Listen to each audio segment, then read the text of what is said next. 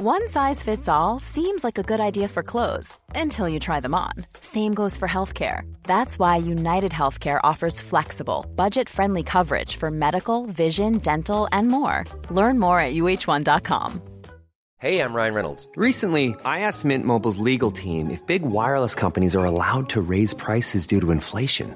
They said yes. And then when I asked if raising prices technically violates those onerous two year contracts, they said, What the f are you talking about, you insane Hollywood ass? So to recap, we're cutting the price of Mint Unlimited from $30 a month to just $15 a month. Give it a try at mintmobile.com slash switch. $45 upfront for three months plus taxes and fees. Promo for new customers for limited time. Unlimited more than 40 gigabytes per month. Slows. Full terms at mintmobile.com.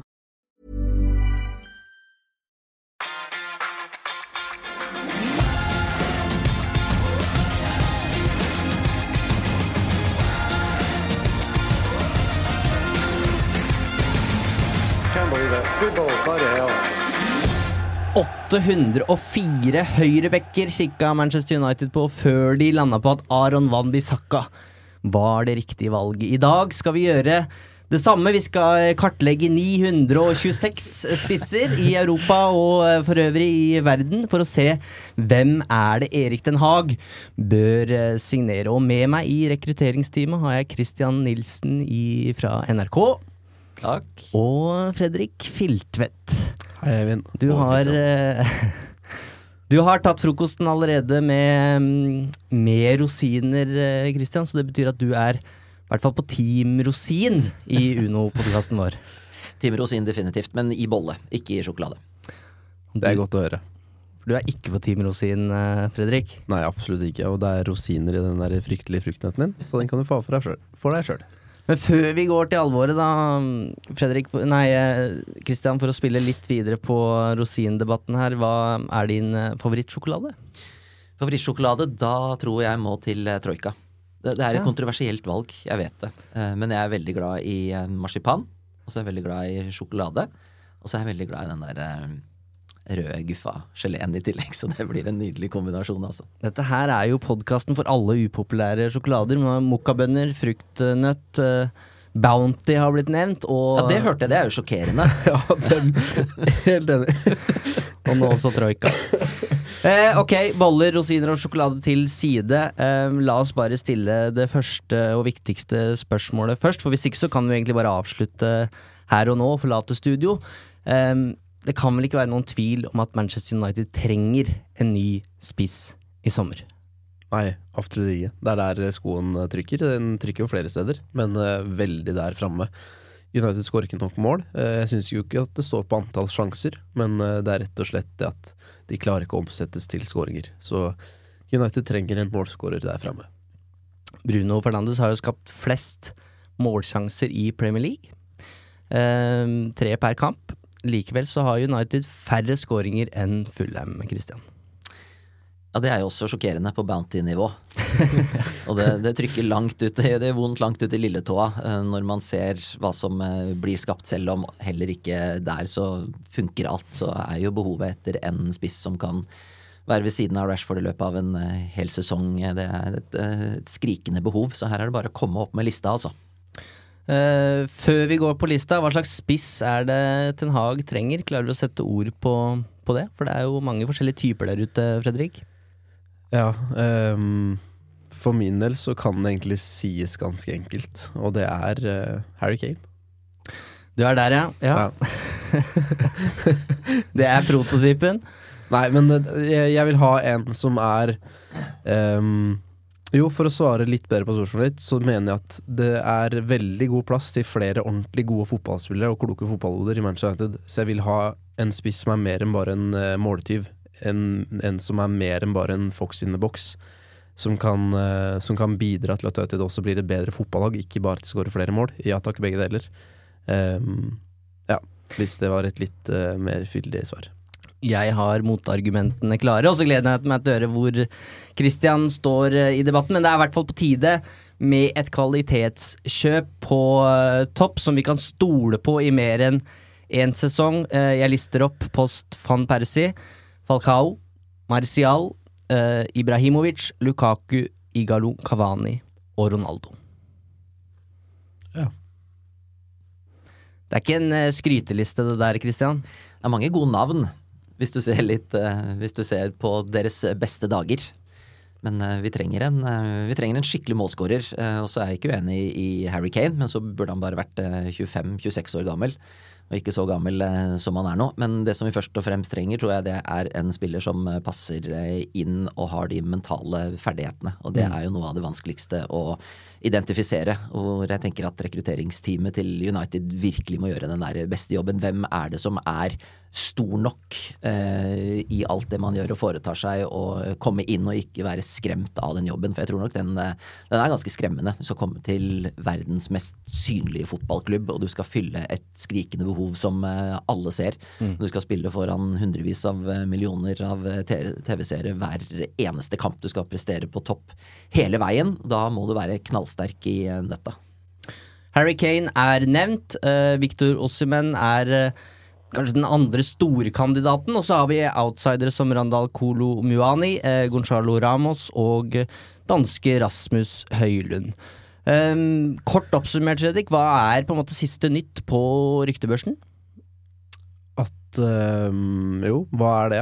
Det er jo disse navnene som nevnes, da, som går igjen. Som har blitt nevnt i lang tid nå. Og um, nå er det en god stund siden Kane egentlig ble lansert som Uniteds fremste overgangsmål på overgangsvinduet. Eh, I ettertid så dukker navn som Høylund og Kolumani spesielt opp, kanskje. Ehm, så litt vanskelig å holde oversikt over hvem som fremstår som det mest åpenbare valget, men at United er på utkikk etter spiss, det er det ingen som lurer på. Vi kjørte en avstemning på Instagrammen vår i går. Harry Kane ah, gikk av med seieren der. 51 av stemmene. Eh, Ossimen 37% Ramos og eh, Muani på henholdsvis 7 og 5% Da tror jeg vi kjører i gang etter en kjapp uh, jingle. Og vi begynner med Harry Kane. Ordet er ditt, Fredrik. Um, jeg er helt enig i aldersargumentet og at han gjerne skulle kommet på et tidligere tidspunkt. Uh, men han tikker likevel alle boksene. Usikkerheten er selvfølgelig hvor mange år holder han, men med de ferdighetene han har, som jeg snakka om, jeg vil at United skal hente en god fotballspiller, som også gjør United til et bedre fotballag, ikke bare ved å skåre mål, men ved å bidra med alt det andre òg. og når du tikker de to boksene, så er det for meg om han da holder i to eller tre år og bidrar til at det får suksess på veien, så syns jeg det er nok, det er et godt nok argument for min del, som gjør at jeg selger meg to somre på raden og sagt at det Kane-toget det går, hvis ikke United henter den nå. Det har jeg sagt i flere år allerede. Likevel, hvis det nå skulle være en mulighet for å hente den, så fremstår det som et såpass trygt, og kanskje også litt kjedelig, men et såpass trygt valg at jeg er veldig gira på den tanken. Um, det er nok det tryggeste, men også kanskje kjedeligste valget. Um, fordi at det er noe du har venta på og håpa på i såpass mange år allerede. Men uh, han tikker alle bokser for min del, til tross for en viss bekymring rundt tidlig skadehistorikk og alderen. Trygt eller kjedelig, Christian? Trygt, definitivt. Hvis de har mulighet til å eh, hente han, så er det, det er vanskelig å si nei. Fordi man vet hva man får. Man får en fotballspiller som har utvikla seg til å bli en veldig god allround eh, fotballspiller. En eh, ledestjerne, en eh, målskårer. Han kan legge opp til andre. Og så virker det jo som, siden det er såpass mye skriverier, det er nesten noe daglig, det liksom siver ut noe sånn info, noen ting som blir sagt fra forskjellige kilder, så er jeg ganske sikker på at noen har snakket sammen, og at noen er åpen for tanken om at dette kanskje kan skje. Og så er det noen store hindringer eh, i veien, og den første er eh, Daniel Levy, som ikke er enkel eh, å forholde seg til. Og så, og så lurer jeg på om han på en måte er tøff nok til å kutte alle de båndene som han har til Tottenham. For det er, det, det er sånn vanskelig i den moderne fotballverden å kunne si med sikkerhet at noen fotballspillere i dag faktisk har et sånn ærlig og oppriktig ønske om å spille klubben sin og være der. Men jeg, jeg føler at Harry Kane er en ganske genuin fyr, at eh, det er en stor del av hans vurdering. Skal jeg virkelig nå forlate denne klubben som jeg har vært i nesten hele livet mitt, og som åpenbart betyr veldig mye for meg? Eh, Jeg er deres største stjerne, jeg er kaptein, jeg er en legende, jeg kan sette nye rekorder. Ok, kanskje jeg ikke vinner de der eh, trofeene, men allikevel så kommer jeg til å se tilbake på karrieren min med utrolig mye glede når jeg legger opp om, om fem-seks år, kanskje. Om man virkelig har det i seg, altså. Jeg, jeg er veldig spent på når han kommer til å ta den avgjørelsen, for en avgjørelse må jo tas, også fra Tottenhams eh, side. Ellers så kan de jo sitte igjen eh, uten en eneste krone, og det hadde ikke Levi likt. Er vi helt sikre på at Harry Kane vil til um, Old Trafford? Uh, Champions League-spill er jo Det henger jo uh, litt i lufta her mens, uh, mens vi sitter her nå på onsdag. Um, så vil han gå til et United-lag som, som, heller ikke er i, i Champions League, som, som, sitt kjære Tottenham? Jeg tror at minimumskravet hans for å flytte på seg fra Tottenham, hvis han i det hele tatt er gira på det, er at han i hvert fall får spille Champions League. og så må det skje en samtale her mellom Ten Hag og Harry Kane gjør at han blir overbevist om at vet du hva, her har jeg troa på at det kan bli suksess, for det er kriteriet han trenger for at han skal villig til å flytte på seg, tror jeg. Eh, og så vet vel Eivind at han på et tidlig tidspunkt i hvert fall skal ha vært åpen eh, for tanken på å flytte til Manchester United, da det var interesse under Solskjær-tiden.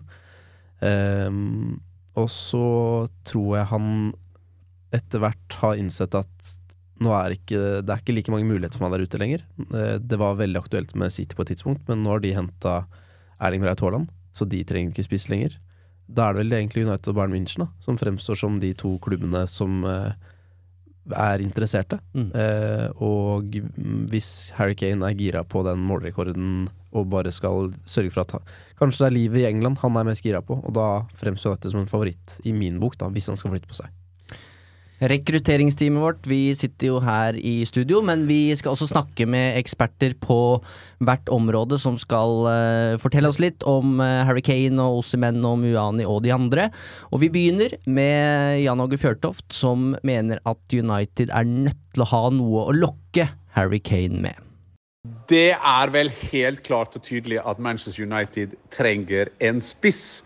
Jeg var veldig ja, positiv innstilt at de hentet Veghorst. Jeg vet at Ten Hag ønsket den spillertypen, men det var nok mest Wolfsburg Veghorst jeg tenkte Manchester United fikk. Og så ærlig må man være. Han er en ærlig spiller, han er en spiller som løper mye, men du må ha en spiss som skårer mål. Nå er Harry Kane i anførselstegn ledig på markedet. Bayern München er desperat for å hente han. De mangler jo en spiss der.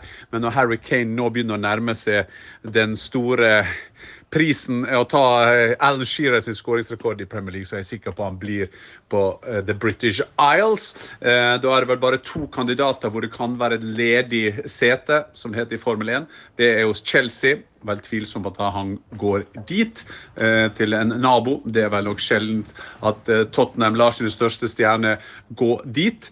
Derfor er det vel større sjanse for at han går til Manchester United. Men jeg tror Manchester United må ha noe å lokke med.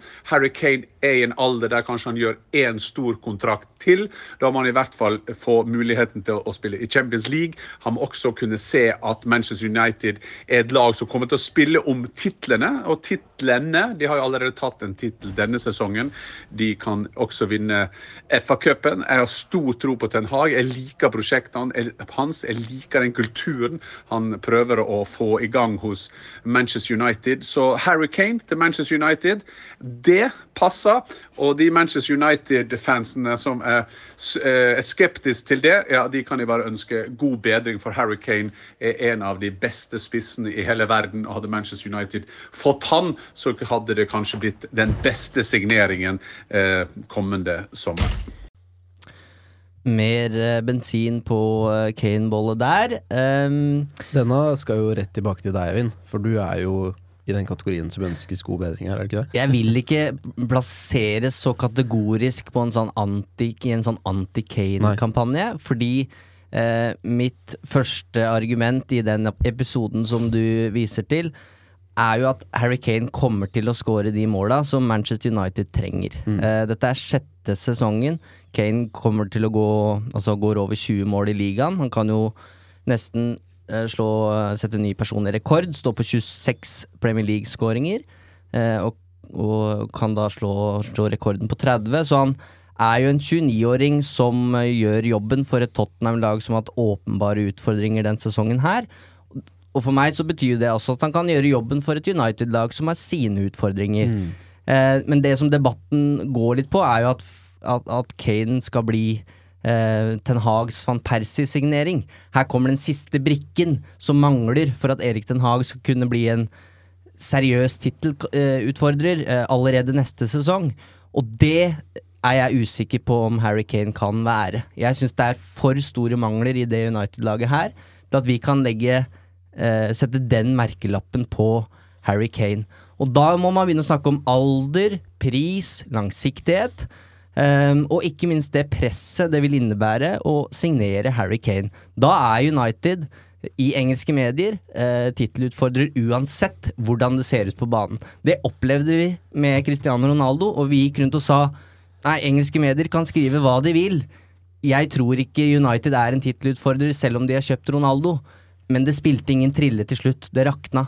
Uh, og det er det jeg, jeg syns uh, Jeg syns det er en viss risiko, med tanke på den lista som jeg nevnte i stad over tidligere spisskjøp, som tilsier at man ikke nødvendigvis skal gå for den åpenbare stjernesigneringa her, da. Det er den skeptisken jeg ønsker å så, uten at jeg vil uh, få merkelappen som en sånn anti-Kane-fyr. Nei, for det skjønner jeg. Og det, jeg må også kunne si at uh, Kane er mitt førstevalg foran Ossimen, uten at jeg skal bli en anti-Ossimen-fyr.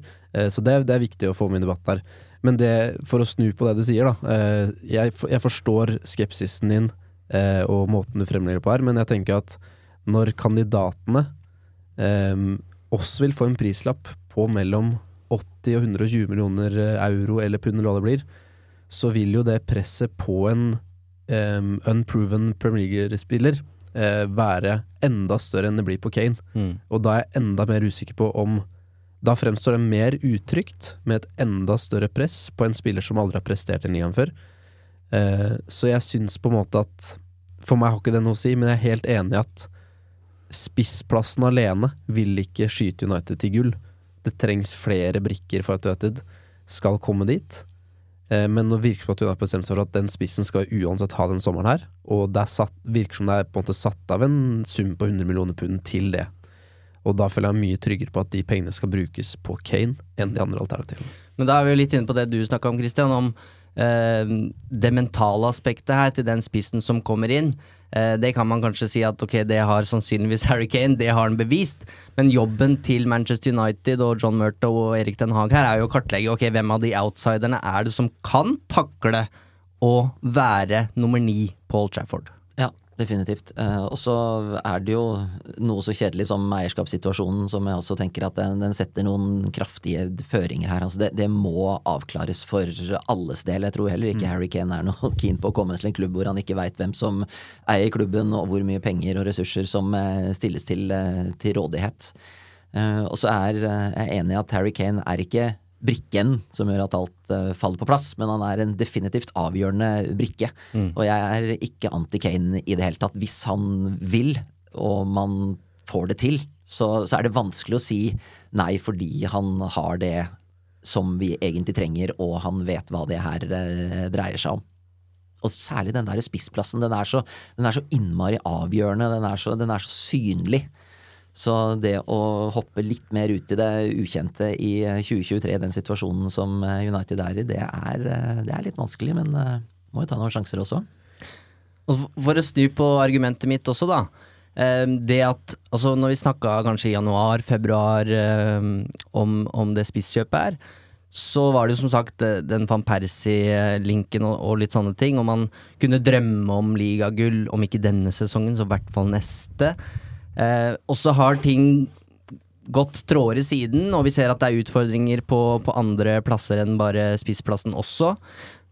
Men det kan jo også være et argument for at United trenger i hvert fall Harry Kane. Hvis de skal, eh, skal nå de måla de, de trenger. Da kan de ikke tillate seg å gå for et, eh, et mindre sikkert valg i, i Ossimen eller Kolo Muani, f.eks. Mm. Og aldersargumentet med Kane, som absolutt jeg skulle ønske han var 24, 25 eller 26. Men hvis vi ser på resten av angrepsspillerne til United Du kan si hva du vil om aldersbalansen i gruppa som helhet, men United sine angrepsspillere, der er det mye ungt. Det er veldig mye ungt der, så det å få inn en erfaren spiller der er ikke nødvendigvis negativt, selv om det å betale så mye penger for en spiller som kanskje bare har to gode år igjen. Det er jeg også skeptisk til. Men jeg tror miksen her likevel kunne vært fin, da. Men hvorfor er du skeptisk til å bruke så mye penger på en eh, Kane? Bare av eh, erfaring at United har kjøpt disse spillerne som har allerede vært på toppen, begynner å være på hell, så er ikke Kane og Dennis der. Men jeg er lei av at United henter eh, spillere som Real Madrid tenker at nå må vi oppgradere den spilleren her, for han er på vei ned, og så kjøper Real Madrid den nye, og så henter United han som er på vei ned, og det har United gjort i altfor mange år. Og så mener jeg ikke at Kane er han, men det er et eller annet med alderen her som gjør at jeg bare er litt var på akkurat dette med ikke kjøpe en spiller som maks har to gode år igjen, og så kan det hende at Kane er både tre og fire, men han har hatt veldig skjøre ankler, eh, så jeg er bare liksom Brent barn skyr ilden, så jeg, det er litt mitt svar på det spørsmålet der. Hvis ikke noen i studio her er anti-Kane, så er i hvert fall Nemanja Vidic det. Uh, whatever other options, I will go for other options. Han. Han er der, ja. uh, og han snakker om på en måte den uh, sjuårsprinsippet, da. United bør signere spillere som kan levere i minst sju år, eh, og i hvert fall på spissplass når du skal betale såpass mye penger. Um, ja. Du kan jo ikke forholde seg til det i hver eneste posisjon, tenker jeg. det, det er en veldig god tanke, sånn som en sånn grunnleggende filosofi. Men eh, du, du må mikse opp litt også. Du må kjøpe de spillerne som du trenger. Jeg veit ikke om Jon er anti-Kane, men han kom i hvert fall med et eh, veldig interessant spørsmål som går litt på det du snakka om, Fredrik. Er det lurt å gi Tottenham 100 millioner for Kane? Hva om de bruker pengene på Høylund og Diogo Costa? Ja, Tottenham kan bruke så mye penger de bare vil. Det, det tror jeg går helt greit. Det har, man, det har man sett før. Godt poeng. Ja. Nei, jeg eh, For min del så eh, Høylund er et spennende navn, han, men med den prisen som også rapporteres på han, så United er ikke noen posisjon hvor de kan hente et eh, stort talent til en sånn vanvittig sum, da. Så for min del, eh, Evan Ferguson kunne jeg kasta inn her. Spennende spillere, spennende navn. Men det virker som at et måte må De vet jo ikke hva de har å rutte med. Vi vet ikke, de vet ikke, virker det som. Og da, da Nei, eh, de trenger en så godt som proven spiller der oppe, og det er ikke Høylund. Og derfor tror jeg heller ikke han er aktuell, med mindre det har vært i tillegg til. Eh, Så derfor utgår Høylund for min del. Spørsmålstegn i podkasten er rundt alder og pris, men det høres ut som at i hvert fall to tredjedeler her lander på at tryggheten med å få en målgarantist som Harry Kane, om det ikke er for de neste sju åra, så i hvert fall for de neste tre-fire, kanskje, eh, så er det verdt de pengene som, eh, som eh, Den Haag må bruke av sommerbudsjettet. Svaret er ja.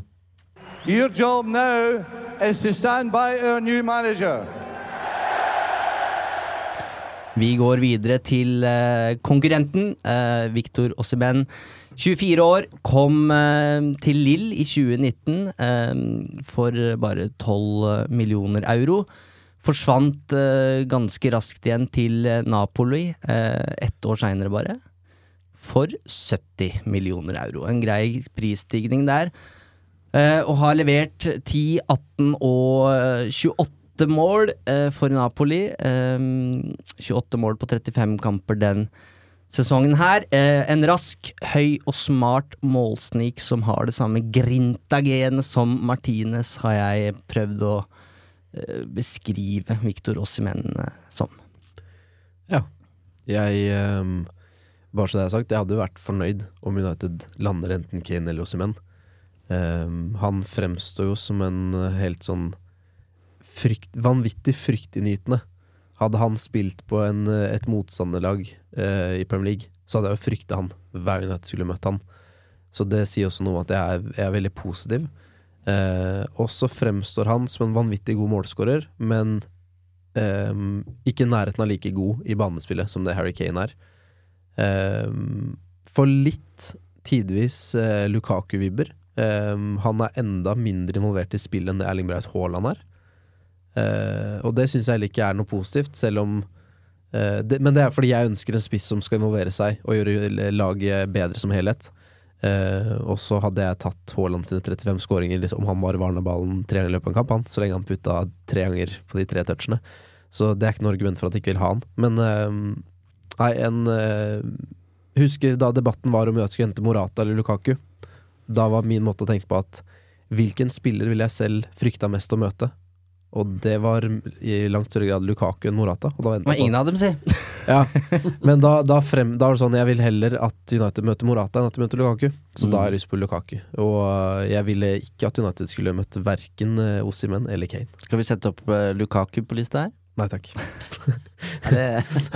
Vi dropper det, ja. Men uh, Ossimen, ja. Det, det er en målskårer. eh, og med så mange sjanser som eh, Bruno og eh, andre klarer å, å skape. Og de kombinasjonsmulighetene vi har, som vi ser når vi er på vårt beste i nærheten av 16-meteren, så trenger vi jo den eh, målsniken som er kjapp, og som er lur bevegelsene, som kan avslutte på hodet, og som kan avslutte med begge bein. Eh, og hvis man tar en titt på skåringene til Osemen denne og forrige sesongen, så er det klart her er det en, en kjempespennende spiller, altså. Som jeg er sikker på hadde pøst inn mange mål for United. Bare det å spille på topp for United som skaper mange sjanser, så kommer det jo Burde i hvert fall skåre 20 mål i løpet av en eh, sesong. Og så er det det der mentale. Det der usikkerhetsmomentet. Den derre Men kommer han til å klare å lykkes på denne scenen? Aner ikke. Men at det er en kjempegod kandidat på en spissliste for United når feltet også er såpass tynt, det, det er det ikke noe tvil om. For det er jo noe av det som gjør det vanskelig her nå. Det er jo at det er jo ikke bare å velge og vrake mellom fem-seks etablerte spillere i sin beste alder som spiller i de største klubbene i Europa, som United, i Premier League med deres finansielle muskler kan hente. Det er, det, er veldig, det er, en veldig vanskelig jobb å finne kandidater i det hele tatt, altså. Så på den lista der så må hun som en høyt, høyt opp. Vi skal snakke med Trygve Rød fra um, programmet uh, Avanti uh, på fotball-TV. Um, det er et program om italiensk uh, fotball, så han veit hva han snakker om. ville du brukt hele sommerbudsjettet på Victor Osimen, spurte vi Trygve om. Det er Nå er jo kanskje jeg relativt subjektiv her, gitt mitt ståsted i italiensk fotball, men det er klart Osimen har vært Serie beste spiller denne sesongen, etter min mening. Og det er ikke mange spisser i verden jeg holder over han denne sesongen her, egentlig. Det er vel kanskje bare, bare en nordmann jeg holder over han. Så det er klart Ossimen til, til United som Ja, nå ser ikke jeg hver eneste United-kamp, det skal jeg ikke skryte på meg. men det kan jo tyde på at det, han vil være i oppgradering fra, fra Wauto Vegårs, om, jeg tør å driste meg til, til å melde såpass. Han, han var, var et slags råmateriale, en råpakke, da han kom fra, fra Lill til Napoli også. Og han har jo utvikla seg som spiller. Det, det har han. har blitt mer en, sånn, en leder for det, for det Napoli-laget. Han går fremst i krigen. Han uh, setter toppresset som, som, veldig få andre gjør. Og ja, som jeg nevnte, han, han er mye mer, en mer komplett uh, spiller nå. altså teknisk sett litt svakere enn en de beste spissene i verden, som, som Kane og Lewandowski. Men han har utvikla seg enormt på, på, det området der og, og er, er, farlig nå både for et Napoli-lag som styrer kampene sånn som de har gjort i de fleste kampene, med å være en, trussel inn i boksen. Eh, samtidig som eh, i enkelte kamper hvor, hvor Napoli har eh, måttet finne seg i å spille og ligger lavt, så, så er han et oppspillspunkt som, uh, ja, som, som det er livsfarlig å gi bakrom til også, egentlig. For de som ikke har sett Victor Ossimen spille fotball og skåre mål, kan du prøve å sette ord på hvordan, uh, hvordan herring, herringene hans har sett ut i, i Serie A denne sesongen her? Nei, den, den, enkleste parallellen å ta er er jo å sammenligne med, med vår godeste Erling Braut Haaland. Han, han så, virker så besatt og så, så ivrig hele tida på å jage bakgrunnen, på å jage ballen, på å avslutte, på å score. Altså det, det, er non stop. Så hvis det er liksom spiller du vil, du, vil, du vil, være på lag med, både i trening og i kamp, så er det Åsmund. For han gir alt hele tida, 100 uansett hvem det, hvem det er snakk om. Og nå i dette Napoli-laget, som, som er blitt ganske velsmurt denne sesongen, så har han jo virkelig fått uttelling målmessig. Og ja, som, som nevnt, han har vært Serie A's beste spiller i min bok. Har han framfor Kvaratskhelia denne sesongen. her også. Det snakkes jo selvfølgelig om eh, store summer. Hvordan vil det være for Manchester United å gå forhandlinger med mm, Serie A-mesteren? Nei, det er jo det er vanskelig å forhandle med, med Napoli og, og, president uh, Di Laurentiis. Han uh, selger seg sjelden uh, billig. Det, det, har man jo sett i det siste. Altså, eller tar nå bare da Juventus henta Iguain uh, i sin tid fra Napoli til Juventus, så måtte de trigge utkjøpsklausulen på over 90 millioner euro der. Det Åsemen har levert i det siste, det, ja, det, det lukta, lukta, veldig, veldig nord for, for 100 millioner euro. Jeg lar meg overbevise da, av det Trygve sier her. Um, og jeg mener det som i aller størst grad for min del taler for oss i menn, og som i hvert fall vil være et argument på et rekrutteringsmøte på Old Trafford, det er den intensiteten som Trygve snakker om her. Eh, der er det en nigeria nigeriansk 24-åring som spiller på en litt annen oktan, et oktant nivå enn en det Harry Kane gjør. Og det er jo det Det er jo stikkordet til Erik Den Haag. Det er intensitet. Det er det han etterlyser hver gang det, det går dårlig, og det er det han fremhever når det går dårlig bra. Og Ossimen spiller for et Napoli-lag som ikke har vært det beste i Serie A, men som har vunnet den skudettoen på råskap og vilje. Og de hadde ikke vunnet den tittelen uten Ossimen, som er en, en uh, sterk representant på det området. Da. Så der mener jeg Ossimen er foran Kane. Han er litt i samme gate som Martinez og Bruno Fernandes, som vi til stadighet trekker fram at de er så viktig for Ten Hag og den spillergruppa her, det er sånne spillere man trenger. Eh, og på det, på det, området der, det, det, tror jeg er så viktig for at Ten Hag skal lykkes, at jeg jeg har et håp om at Osemen står foran Kane på lista til Ten Hag, selv om eh, rapportene tilsier eh, noe annet.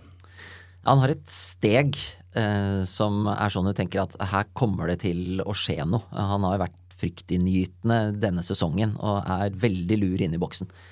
Eh, så det er, det er, lett å bli litt eh, Team Ossimen etter å ha sett skåringen hans og også hørt eh, den glødende referansen. Og det han sier også er om at, om at han har vært en leder. Det mm. høres jo veldig bra ut.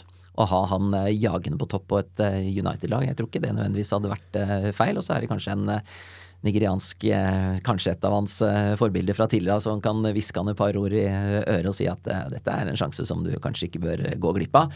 Og så tenker jeg også at sånn finansielt, ja han kosta mye penger da han kom fra Lill, men med den økonomiske situasjonen som er i italiensk fotball, så vil man jo tro at et bud på utkjøpsklausul med et par sweeteners til hadde vært nok, selv om han bare har vært der i kort tid, å få han om bord, altså.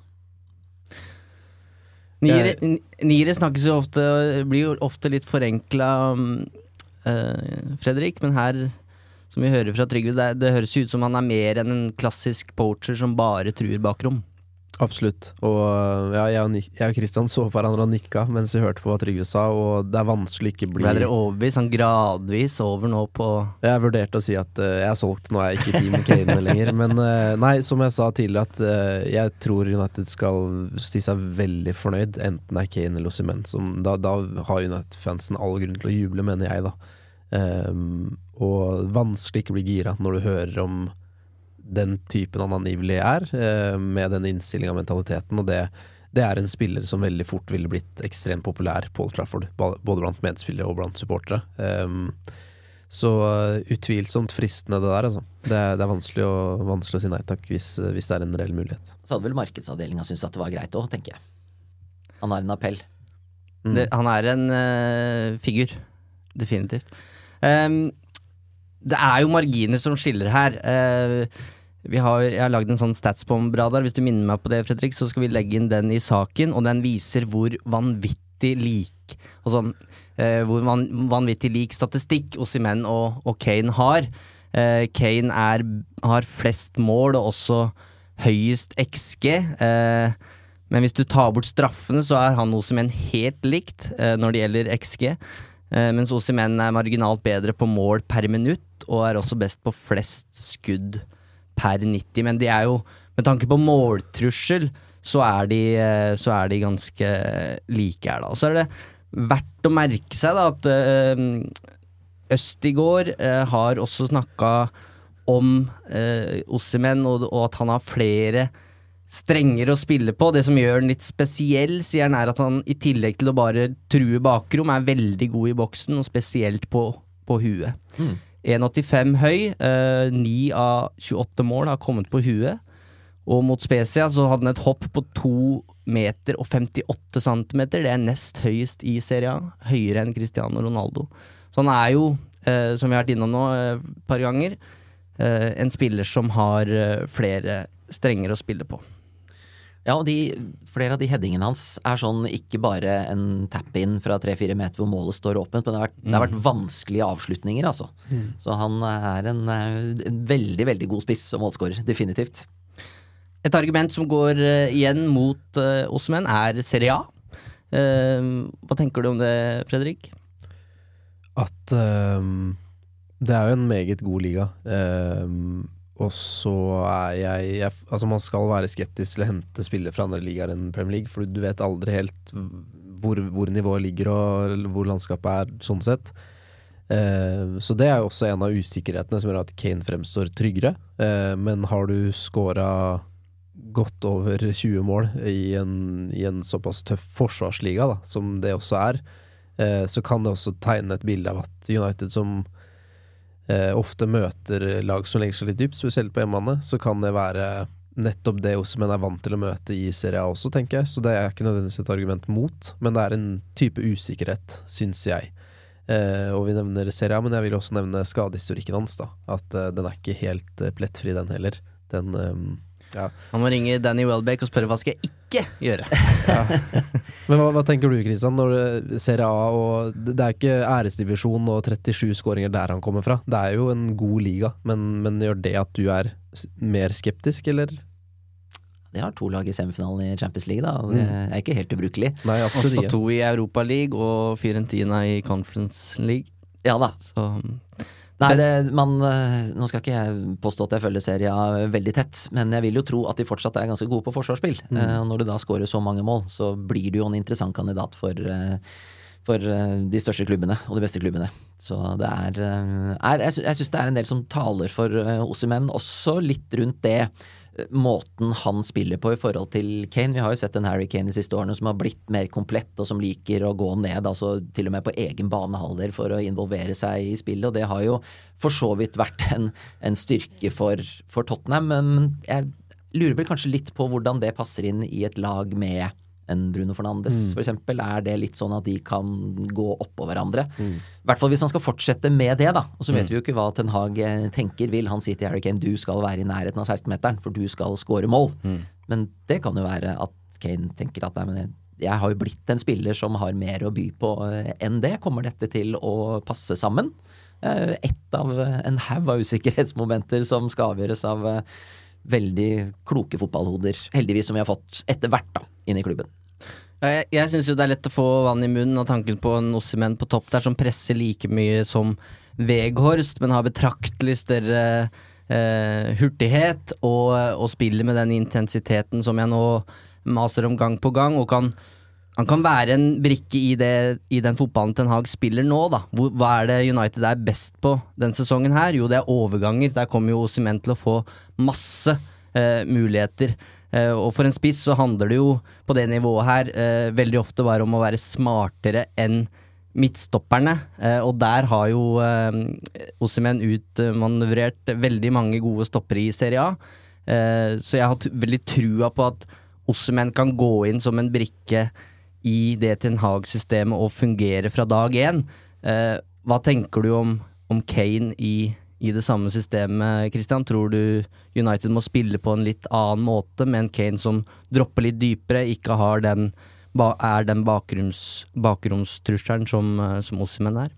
Ja, Det blir avhengig av hvilken rolle Ten Hag vil at Kane skal spille i hans United-lag. Det, det må man jo se ut fra hvis det skulle bli eh, hvis det skulle bli sånn som det blir, så er det ingen garanti for at han kommer til å spille på samme måte som han gjør eh, i Tottenham. Men jeg ser for meg det at en Ossemen som ligger mellom midtstopperne til motstanderlaget, som de hele tiden må være oppmerksomme på, hvor er han nå?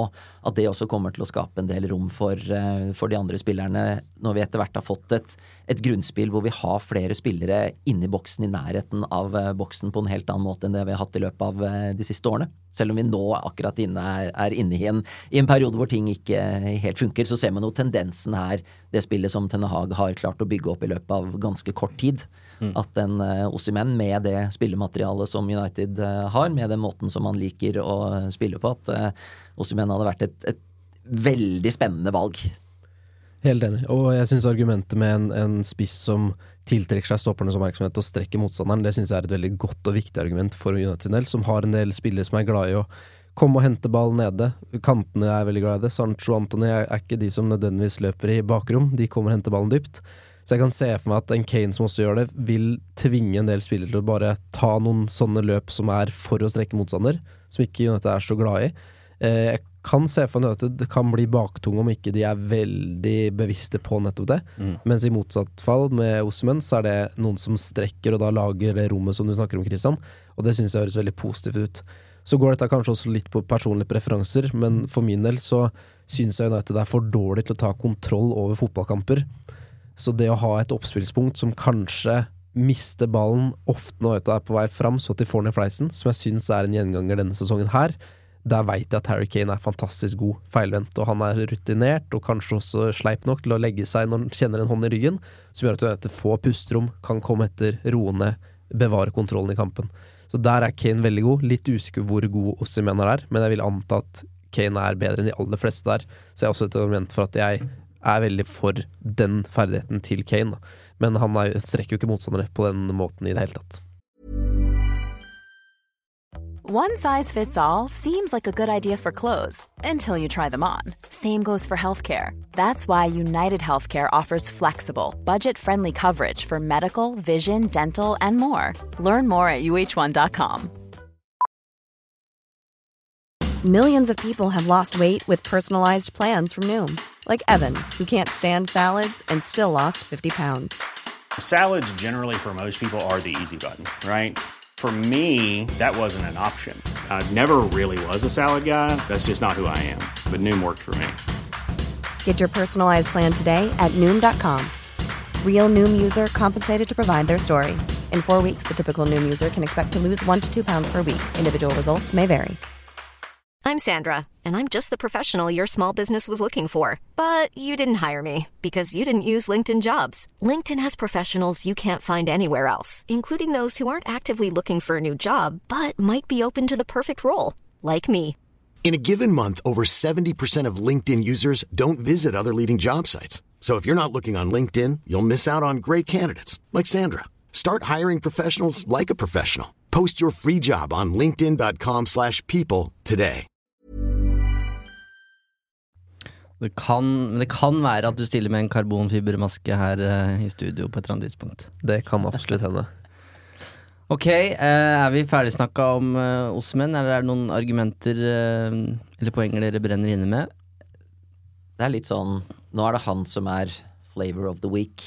Ja.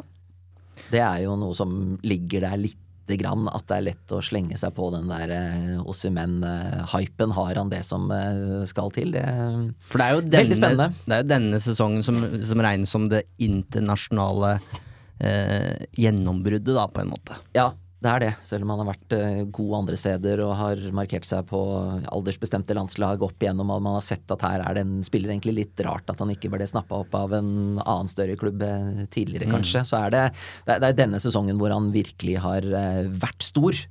Men det, er- noe med Det virker som det er en grunnleggende kvalitet her som man ikke kommer til å miste i eh, tida som kommer, altså. All right, vi går eh, videre, vi. I love this game! Vi sitter jo her med en eh, VM-kommentator. Eh, har du eh, Husker du om du ko kommenterte Muani på banen i, i Qatar, Christian? Eh, ja, det husker jeg ganske godt. Uh, han uh, fikk en nøkkelrolle i, uh, i den aller siste kampen eh, i VM. Den eh, nøkkelrollen den kommer han til å tenke på resten av livet. For da ble det bom. Og så var det de andre som vant i stedet for. Og det er litt dumt, da. Randal Kolomuani, eh, 24 år, eh, fra eh, Frankrike, eh, var altså involvert i denne VM-finalen med negativt eh, fortegn. Ehm, fra Nantes til eh, Frankfurt i eh, fjor, eh, og står med 21 mål på eh, 41 kamper. Jeg lurer på om vi skal eh, sette over til Eivind Bisgaard Sund i eh, Viaplay eh, ganske umiddelbart, eh, og spørre hva er det som gjør Muani så attraktiv for toppklubbene i sommer? Ja, først alt så er han jo mannen som sannsynligvis sikra Messi Ballon d'Or denne sesongen som kommer nå.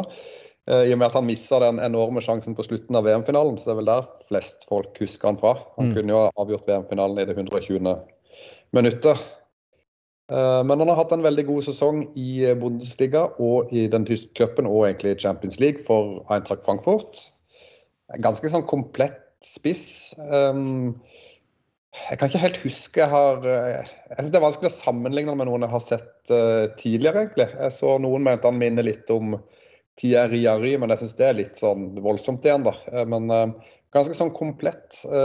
jobber hardt. god til å presse, sånn som Frankfurt er gode til. Han uh, skårer mye mål. Han har jo mye målgivende pasninger, han er jo den spilleren i Bundesliga som har høyest målpoeng til sammen denne sesongen her. Og er liksom eh, litt sånn som du tenker eh, Han er jo, egentlig, han er jo like gammel som Mbappé, eh, og det er jo litt den samme generasjonen som av franske angrepsspillere. da, Mbappé er jo en klasse for seg selv, men det finnes jo en del andre som er ganske sånn komplette, syns jeg. Så han er liksom inn, litt inni der, da. Hvordan vil du vurdere nivået hans eh, opp mot f.eks. Harry Kane, da, som er eh, en av de andre spissene som, som det snakkes mye om i, i Manchester? Tror du han har nådd sitt, sitt potensial som 24-åring, eller er det mer å gå på her som gjør, han, gjør at han er såpass attraktiv? Altså, Skulle du valgt eh, mellom de to her nå, så hadde jeg jo valgt Harry Kane hvis det liksom er bare å velge, velge vei. Men uh, Harry Kane har ikke så mange år igjen sannsynligvis som, som Muani. Det som er forskjellen tenker jeg, på de to når du skal vurdere de opp mot hverandre, er jo at Harry Kane har levert i Tottenham i veldig mange år i Premier League. Du vet hva du får. Han er dødsgod. Englands uh, beste spiss. Mens Moani har levert ett år nå i Bundesliga i Eintracht Frankfurt. Og Eintracht Frankfurt er en klubb som har hatt spisse de siste årene. Som har skåret mye mål i Eintracht Frankfurt, men som ikke har gjort det bra andre steder. Luka Jovic forsvant til, Bayern, nei, til Real Madrid, greide jo ikke å, å få noe spilletid der. Eh, André Silva var jo toppskårer foran Erling Braut Haaland eh, når han var i Eintracht Frankfurt. Men eh, endte opp i Leipzig, har jo ikke skåret mål der. Sebastian Haller var veldig god for Eintracht Frankfurt, dro til Westham, mislykkes liksom. Så det er jo minuset med Kolomani. Jeg syns han har mer enn de andre spillerne jeg har snakka om der, men allikevel så, så er det åpenbart en usikkerhet om en spiss i Eintracht Frankfurt kan ta og gjøre det like bra i Manchester United som han har gjort i Eintracht Frankfurt. Det snakkes om en prislapp på 70 millioner euro. Eh, er det riktig prising av eh, Muani, syns du? Eh, Nei, jeg, jeg tror ikke det stemmer. Altså, det snakkes jo om en prislapp på 100 millioner euro minimum. Det har vel Eintracht Frankfurt sagt ganske klart. Han har ikke noe utkjøpsklausul. Han har vært der i én sesong, så jeg tror nok ikke han går for under 100. Han vet at Bayern München er interessert òg, og Manchester United er interessert, liksom. Så dette lukter jo en sånn der eh, klassisk Bayern, nei, eh, Manchester United-overgangssaga, syns jeg, som vi har hatt mange av de siste årene. At de på en måte ikke vil betale det som folk sier, da. Så det er veldig rart. Men sånn, sånn har det jo ofte blitt med United, syns jeg. Hvis vi skal være litt eh, tabloide her, så er det jo ikke noe tvil om at det er, det er Kane og Ossimen på øverste hylle, og så er vi nå eh, nede på, på nivå to. Med, med Kolo Muani og Ramos, eh, som vi kommer til til etter hvert, Kristian. Christian. Ja, nei, pulsen løper jo ikke løpsk her, det må jeg innrømme det. Uh, Eivind, han, eh, han er ganske nedpå her. Og han, eh, han er en, eh, virker som en klok fyr. Så det kjennes jo ikke helt ut til at ja, dette er eh, spilleren vi skal gå for, altså. Det gjør jo ikke det. Nei, det høres jo egentlig ut som en sånn understudy-signering, som man likevel må betale premiumpris for. Ja. Bra oppsummert. Ja, nei, um, heller ikke min puls. Eh, Jeg fikk hvilepulsen ennå. Um, og det Man vil jo helst ha høy puls når man snakker om en spiss eh, som skal eh, kjøpes for potensielt eh, 100 millioner, 100 millioner euro. Så jeg er ikke solgt, eh, og jeg hadde ikke vært spesielt happy hvis United betalte en sånn sum for, eh, for denne spilleren, som eh, åpenbart har eh, eh, ferdigheter. Du hører at han omtales som en nær komplett spiss, men likevel så eh, er dette en spiller jeg håper United styrer unna. Um, fordi jeg ikke har sett nok til å mene at eh, det forsvarer det, men også fordi at de andre to kandidatene fremstår såpass mye mer appellerende for min del at eh, jeg sier nei takk. Det er skummel, den Bayern-triggeren. Med en gang du hører Bayern München er interessert i en Bundesliga-spiss, så eh, våkner man litt. Ja, det gjør man. Um, Men det der spillet rundt eh, overganger og agenter som eh, spiller inn eh, sine ønsker underveis, det må man alltid ta med, med mange klyper salt. Men det er, det er noe med totalpakka her. altså Prisen, hvis den skal være såpass eh, vanvittig, og selv om man hadde fått den for halvparten av eh, prisen, så hadde man jo sittet med en følelse av at dette er liksom litt B. Skal vi gå inn i en eh, ny sesong, eventuelt i Champions League, og ta opp kampen mot de beste med en sånn spiller, så kan det hende at man hadde blitt motbevisst. Skal, skal holde åpningen vidåpen for det, altså. Men sånn i utgangspunktet så høres det jo ikke ut som om dette er United-klasse. Helt enig. Og uh, jeg er også så enkel at når jeg hører at Bayern vil han, så, blir jeg, så, er det, så er det dumt å måte sitte i sin egen stol og bare Nei, han, han vil ikke jeg ha.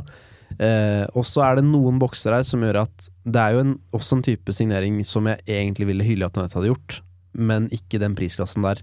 Det at United finner en, et litt mer ubeskrevet blad, en litt mer ukjent, ikke alt den der helt åpenbare kandidaten. Mm. Der syns jeg United ofte er Du vet litt at ja, en stjernespiller som er tilgjengelig, her er United på banen. Så sånn sett har vi lært forfriskende med en spiller ikke alle vet så mye om, men forenta meg selv, ikke til den prisklassen der.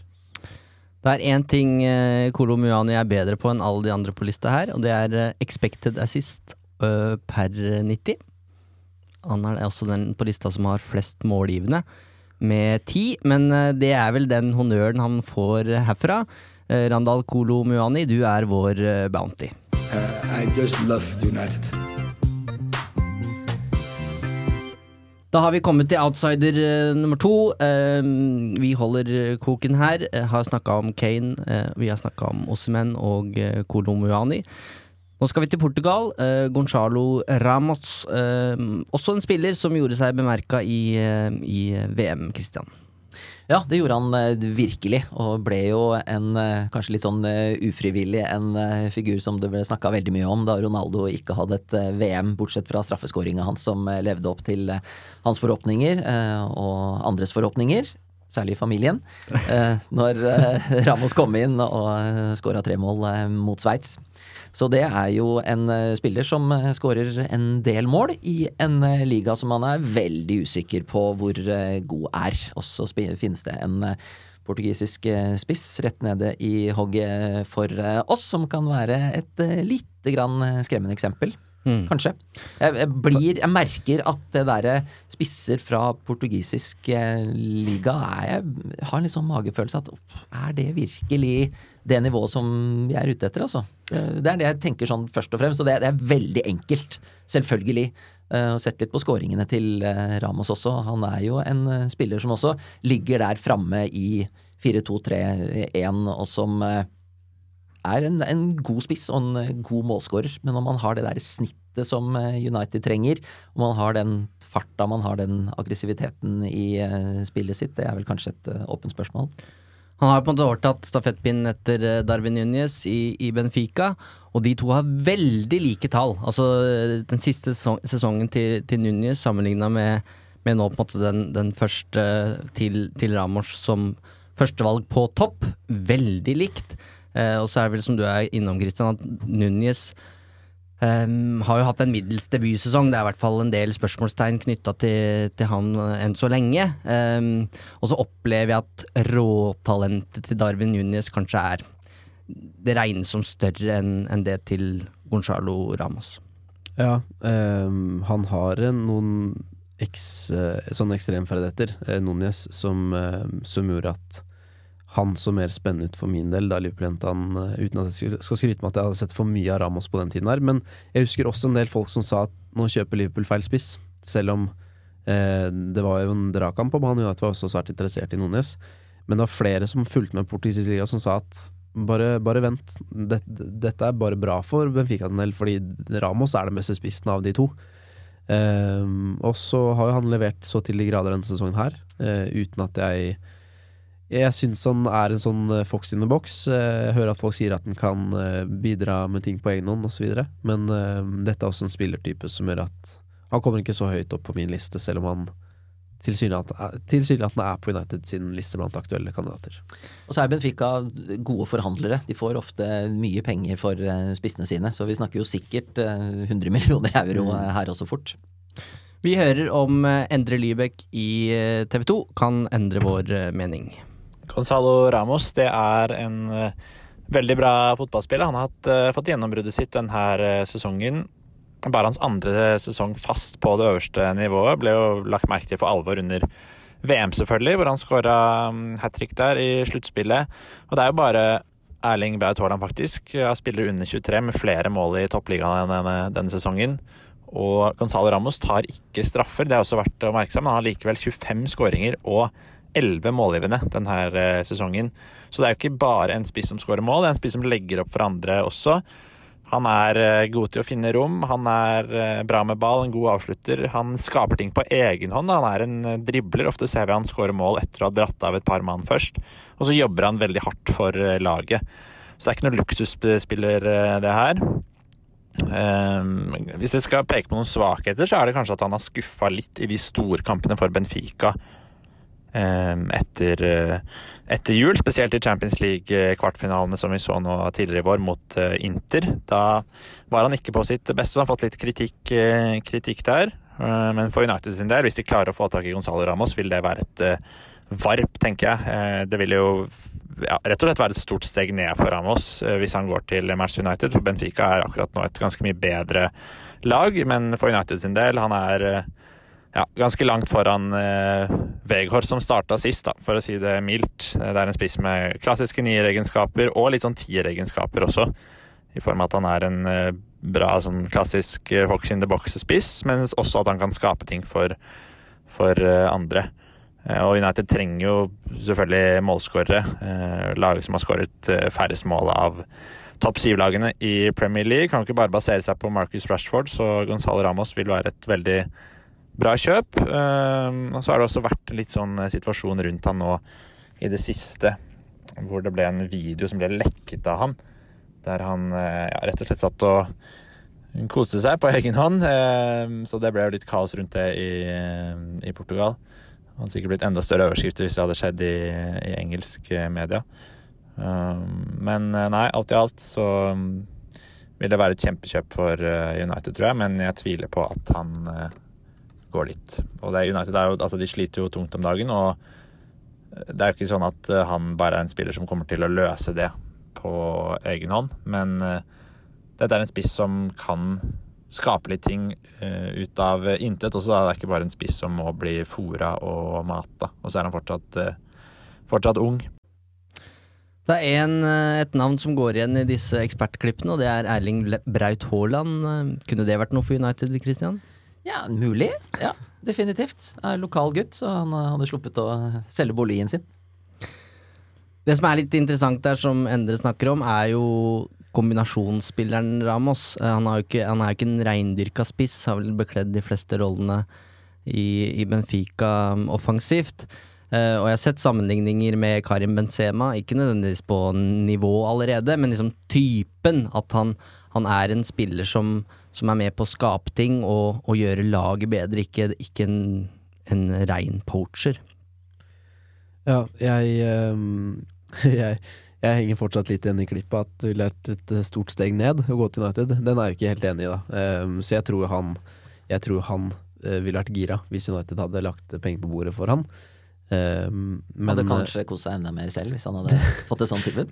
det, det kan hende. Eh, bilder i hodet her. Eh, nei, jeg, jeg husker ikke hva du spurte meg. Beklager. Du ble rett og slett satt ut av at Gonzalo Ramos kan finne på å takke nei til, eh, til United. Uh, ja, og det kan at han trives kjempegodt og har lyst til å bli, bli værende der, men ikke nødvendigvis fordi at portugisisk liga og Benfica er så fantastisk mye bedre enn Premier League og Manchester United. Det, det tror jeg ikke. Nei, Det spørs eventuelt hvilke andre tilbud han, han får, da. Ja, og det kommer jo sikkert, men eh, får du tilbud fra Manchester United og du følger med ganske mange nuller på den eh, sjekken der, så bytter han klubb. Sorry, Endre. All right. Um, da tror jeg vi har avskrevet også Gonzalo Ramos. Um, vil vel kanskje si at pulsen stiger litt mer enn eh, Kolomani. At Mm, han er det der sjiktet under her, en, en kandidat.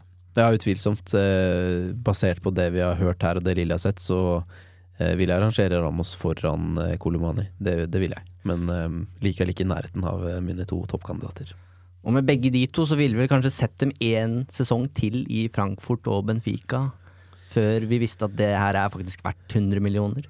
Ja, eh, enig i det. Samtidig så er det jo da faren at eh, da stiger prislappen eh, med 50% Så det ja, det er jo også en vurdering hvor man eh, noen ganger føler at United er litt uh, treige i avtrekkeren, eh, uansett hvem som har vært manager de siste ti årene.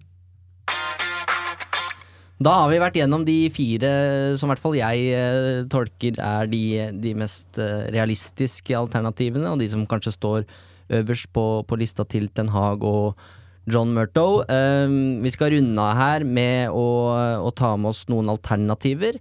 Før vi prøver å lande på en, eh, en konklusjon som vi kan sende i retning eh, Manchester. Um, kan det tas en sjanse på å kjøpe ungt, eller må det kvalitet inn nå? spør Morten, og da uh, ser jeg på en danske jeg som heter Rasmus Høylund. Eh, Jeg mener United må At ikke United har råd til å satse ungt på spiseplassen. Der mener jeg at eh, man ikke kan gamble med store summer på en som kan bli den neste Haaland eller neste ditt eller datt. Eh, United må ha kvalitet eh, nå. Derfor mener jeg at de må hente Osimhen eller Kane. Ja, det er, det er veldig vanskelig å være uenig i det, sånn som spissbildet i Europa er, altså. Vi har spurt Trygve vi, om eh, Høylund er Danmarks svar på Erling Braut Haaland. Det svaret der er klinkende klart, ja. Han eh, gjort det Han har tatt Serie A med storm egentlig etter han kom fra Sturm Gras i uh, sommeren 2022. Det er veldig sjelden at man i Italia lar såpass unge spillere Han er født i 2003, få sjansen. Og ikke bare få sjansen, men har gjort det skambra for eh, Atalanta. Og eh, jeg prata litt om at Ossimen kan være et, et angrep alene, og, og Høylund har litt av de samme ferdighetene. Jeg tør nesten å påstå at han er han hakket bedre teknisk. Litt lavere tyngdepunkt, eh, føler jeg, enn det Ossimen har, men eh, samtidig er mer uferdig. Da Ossimen vet du mer hva du, hva du får. Høylund vil være et mer bedt, føler jeg, på eh, jeg føler at han er ikke klar for å liksom gå inn og være klink nier på, på Manchester United. Det, det føler jeg er- det, det er dristig, i hvert fall. Jeg kikka litt på eh, målet hans i går. Vi har jo eh, tilgang til denne Y-Scout-tjenesten, og da er det bare å trykke på goals eh, og play, og så eh, lene seg tilbake i sofaen. Og det var gøy, altså. Det, det er litt av en kraftpakke av en danske. Eh, og veldig mange spektakulære skåringer, og en sånn tilstedeværelse som du ønsker deg i en spiss. Da han tar på en måte plass, krever plass. Um, så utrolig spennende talent, da. Uh, men 20 år. Uh, kom uh, altså til Storm Gras fra København. Og, og gikk videre til, til Atalanta før den sesongen her. Eh, står med åtte mål på 30 kamper eh, i, eh, i Atalanta, og har også markert seg for landslaget med hat trick mot, mot Finland i mars. Så han er jo i ferd med å gjøre sitt inntog i Europa, men litt tidlig for Høylund å være Uniteds nummer ni i 2023, Christian. Eh, Han har jeg ikke noe sånn mening om, egentlig, i det hele tatt. Det er, eh, jeg liker å uttale meg om ting som jeg i hvert fall har eh, sett en del av, og den kommer i kategorien eh, ikke sett noe. Eh, Men det er jo en del ting som blir fortalt her som høres eh, lovende ut, men jeg føler å gå inn i en ny sesong med, med Høylund som Uniteds eh, nye nummer ni, det, det høres jo litt prematurt eh, ut.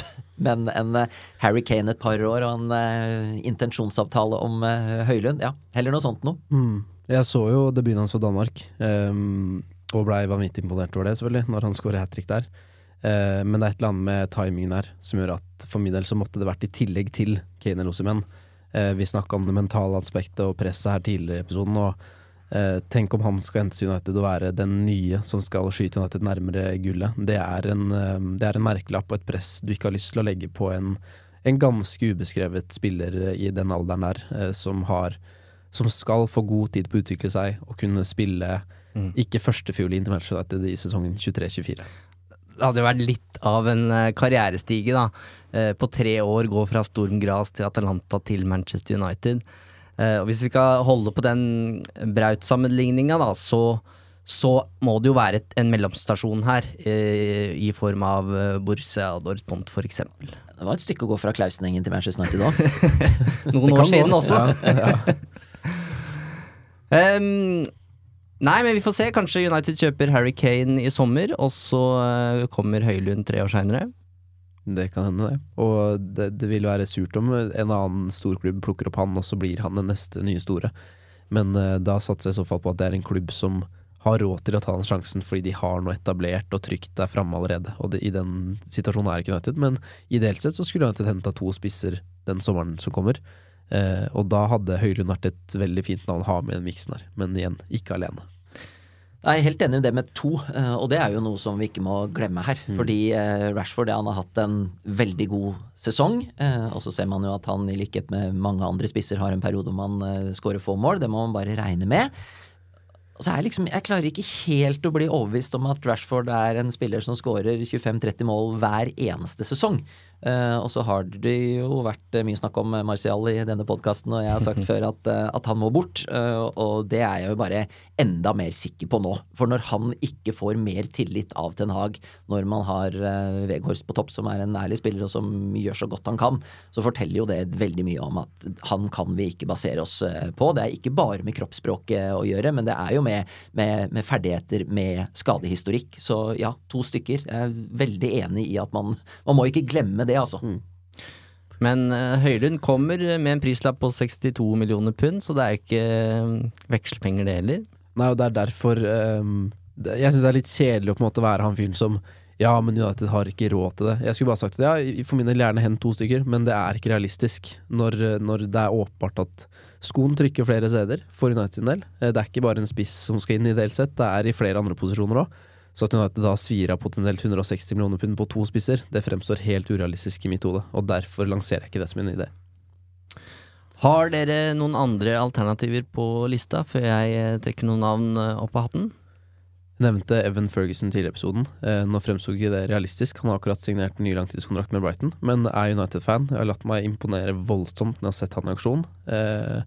Heller ikke eh, en som jeg ville hente alene nå i stedet for Osimhen eller Kane, men en som jeg håper United følger med på i årene som kommer. Eh, To navn som er der, så vil jeg tro at de også er på din liste, eh, Eivind. Men eh, hvis United i det hele tatt hadde muligheten til å hente Mbappé, det har jeg sagt eh, lenge, at hvis det er én som jeg bare hadde følt at dette hadde vært helt perfekt på alle mulige måter, og så har man eiersituasjonen der i, i bakgrunnen, og så kan folk eh, tenke videre eh, Mm. på det, det, det hadde jo vært en drøm. Eh, og så har du litt det- sånn på den andre siden av eh, skalaen, så har du jo Dusan Lavic uh, i Juventus. Som er en serbisk uh, kraftpakke, og som også er en eh, god målskårer, som jeg også tenker er på den lista. Eh, men eh, i et felt som vi har vært inne på, det, det, er, ikke, det er ikke ti verdensklassespiller, eh, verdensklassespisser rundt omkring her som man bare kan velge og vrake. Eh, og i går kveld så titta jeg også litt på hvilke 20-25 spisser som trekkes fram av de som følger internasjonal fotball tett som de beste. Og når man ser på den lista der, så er det ikke sånn man tenker at han hadde jeg, han hadde jeg glemt. Han kunne være et eh, navn. Det er veldig forutsigbart. Vi har jo vært innom veldig mange av de som står på sånne lister. Men hva tenker du om Mbappé, Eivind? Jeg syns det er et interessant eh, forslag, fordi det virker som at det nærmer seg en exit der, eh, fra PSG. Og så er det liksom skrevet i, i stjernene opplest og vedtatt at den skal til Real Madrid. Eh, men det kan endre seg. Eh, og jeg pleier å si det at de eh, ryktene vi snakker om fra, gjerne fra nyttår og fram til sommeren, det, er- det er alltid én spiller som ikke er på radaren det første halvåret, som dukker opp i løpet av sommeren. Ting endrer seg. Plutselig kan Vlaovic være tilgjengelig ute for salg, og samme med, med Mbappe her. Det er jo eh, sånn dynamikken fungerer på markedet, at når spillere selges, så må de erstattes, osv. Så, videre.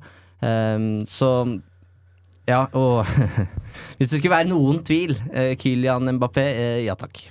Jeg synker litt ned i stolen her og gjemmer meg litt. Fordi nå skal jeg si noe jeg ikke har lyst til å si høyt. Da kan du se inn i kamera der, og så eh, Ingen steder å gjemme seg her, Fredrik. Nei, jeg, jeg vil ikke ha Mbappé. Ehm, og det har rett og slett med personlighet og væremåte å gjøre. Det er noe stjernenikk. Nei, uh, inntrykket jeg har fått av å se i aksjon selv, um, en type oppførsel og atferd og egoisme som går veldig dårlig hos meg, da. Um, Kan ikke Ten Hag eh, med sin disiplin få skikk på, på det? Det kan selvfølgelig hende, men jeg tror det er mange som har prøvd uh, før. uh, som har jobba med en helt fantastisk fotballspiller, men som har et ego som minner meg litt om Cristiano Ronaldo, og som ikke sjarmerer meg i det hele tatt. Så at han hadde for, altså, det så eh, jeg sier ikke nei takk til fotballspilleren Kylian Mbappé, men jeg tror at det er en spiller som potensielt, i et United som ikke garanterer suksess, eh, hvor det kreves litt andre ting enn at du bare skal score mål. Du skal også være med i et fellesskap og et samhold og et miljø. Hvor Ten Hag nå prøver å stramme inn og få til, så er jeg ikke helt sikker på at det er en brikke som bidrar positivt der. Det er det som gjør at jeg er skeptisk, og jeg vil ikke ha noen flere spillere som forsurer eh, er, Nå er det et lag som omsider trekker i samme retning, og da vil ikke jeg ta noen sjanser eh, på det. Det er, det er det som gjør at jeg er skeptisk. Men, eh, men jeg, det var en grunn til at jeg falt litt ned i stolen nå, fordi eh, Ikke bare bare å avskrive Kylian Mbappé? Nei, og det er, ikke sant, det, det er ikke fotballspilleren. Så eh, på banen hadde han sikkert levert så mye at det hadde blitt latterliggjort eh, ganske fort, da, hvis han hadde blitt henta. Men, eh, men ja. Ja, og jeg ser hva du sier, altså absolutt. Og det er jo noe som må inn. Vi starta tidlig her med å snakke om at de må ha de riktige mentale egenskapene, de må ha de personlige egenskapene som trengs. Og, og det man hører og det som skrives om Mbappé, så er det jo noen historier der som kanskje er litt foruroligende. Men der kan man jo eh, håpe og også snu det på den måten at han kommer da ut av den bobla som han har vært i i PSG, hvor alt bygges opp rundt ham. Han begynner å bli eldre, vil jo tro også at det kommer en modenhet inn der. Og hvis han hadde fått på en måte merkelappen på seg at nå skal du komme hit, vi skal bygge dette rundt deg, men du må leve opp til sånn som vi vil at det skal være. Og han sier at det høres jo ganske fristende ut. Mm. Om det er på vei mot eh, Real Madrid et eller annet eh, sted eh, lenger ned i veien, det, det blåser jeg egentlig. Men han, han er den mest fryktinngytende spissen eh, jeg vet om. Mer enn Haaland på et vis, for han har den derre enorme hurtigheten og råskapen hvor han bare biter til så utrolig kjapt. Du vet ikke hva som har slått deg en gang, altså før han er forbi deg og scorer. Og det er helt enig. Et annet argument som du så vidt er innom, Kristian, er jo dette med at om han går til United nå i nær framtid, så vil disse plagsomme ryktene rundt Real Madrid for alltid ligge der og være støyende og forstyrrende.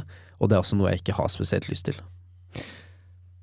Nå skal ikke jeg sitte her i en United-podkast og sette diagnose på utfordringene de har i Paris, men jeg tror du er inne på noe, Cristiano, at um, den kulturen, eller skal vi våge å kalle det ukulturen, som er i, i PSG, den har nok vært med på å eh, skape den Kylian Mbappé som vi, som vi ser i dag, og forme han som verdens største stjerne, eh, sammen med Neymar og, og Lionel Messi. Det er i hvert fall ikke det inntrykket jeg hadde av Kylian Mbappé når han, når han herja for, for Monaco. Eh, så det kan hende at i et nytt miljø, ny manager, nye lagkamerater, så, så får man se en annen, annen side av eh, Mbappé. Og så mener jeg jo bestemt at det må være rom for egoister også i Manchester United, selv om vi skal dra i samme retning og spille med intensitet og presse for hverandre.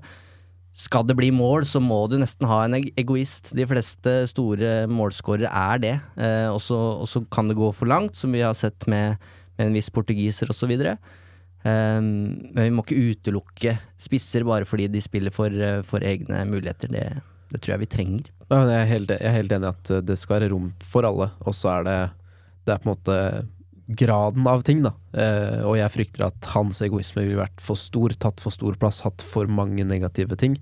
Eh, og så utelukker jeg på ingen måte at han er en del av et miljø, en kultur, ukultur som han kalte det, som gjør at det kunne endra seg i en klubb som Manchester United, eh, og under en trener som Erik Den Haag. Så absolutt spennende med MAP, Jeg hadde jo ikke takka nei til å se han i en startelver isolert sett, på ingen måte.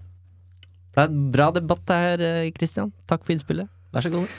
Um, hva tenker dere om Lautu, Lauturo Martinez som et alternativ, spør uh, Knut Olav. Vi lar uh, Trygve svare på det.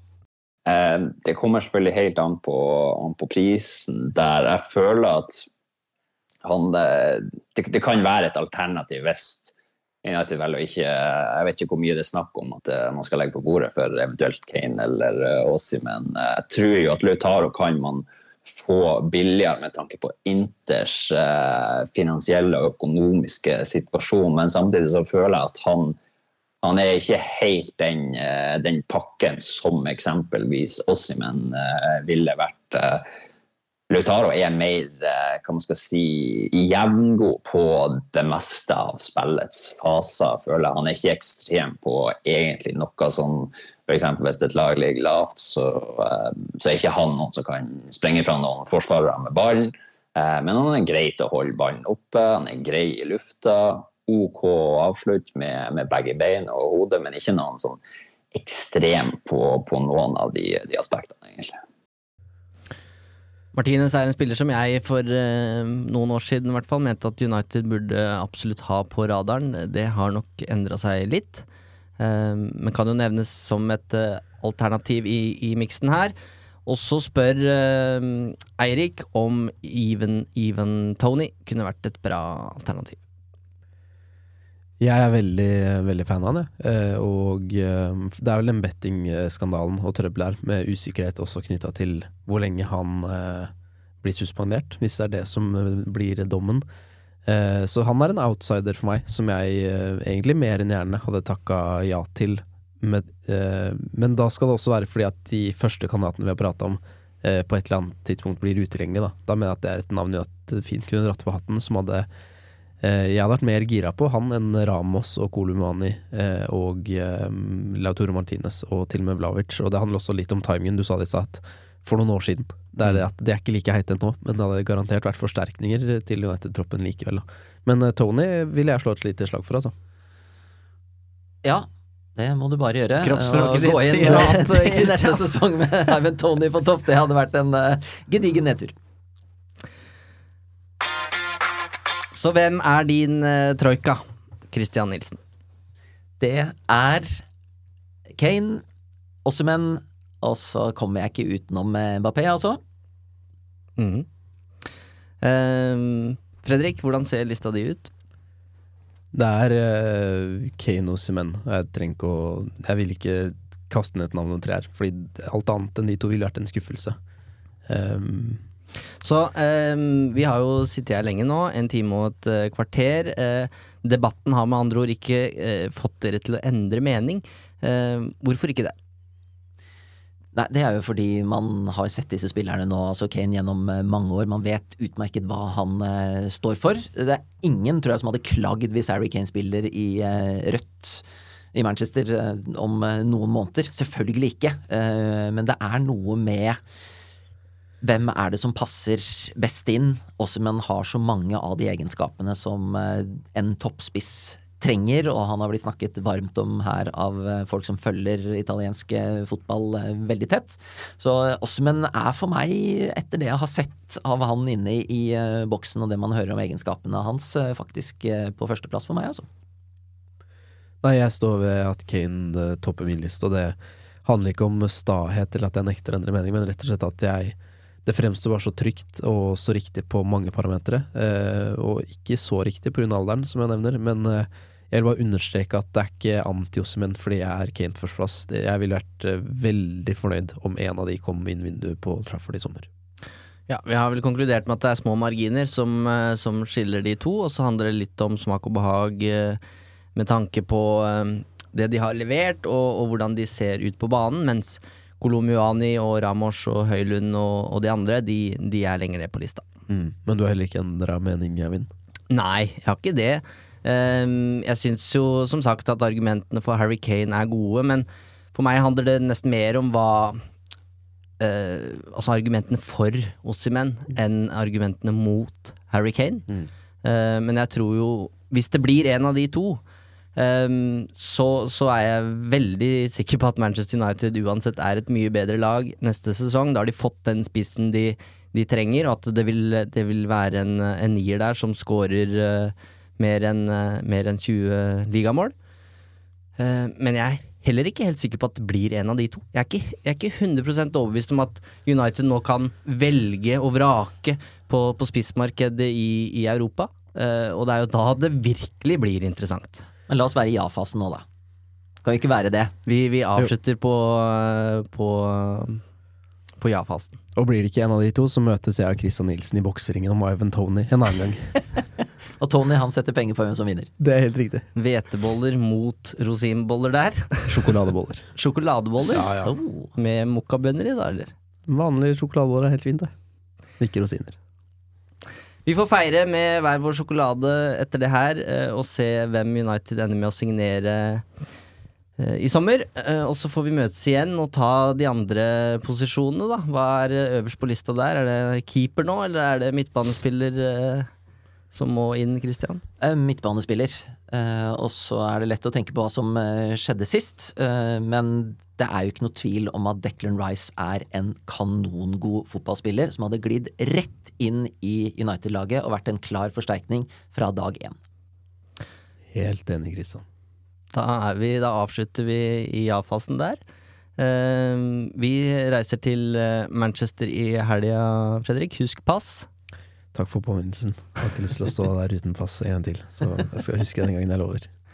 Takk for alle spørsmål. Eh, takk til dere som lytter på. Takk til eh, Christian som tok turen tidlig på morgenkvisten for å eh, snakke om Kane, Ossimen og de andre.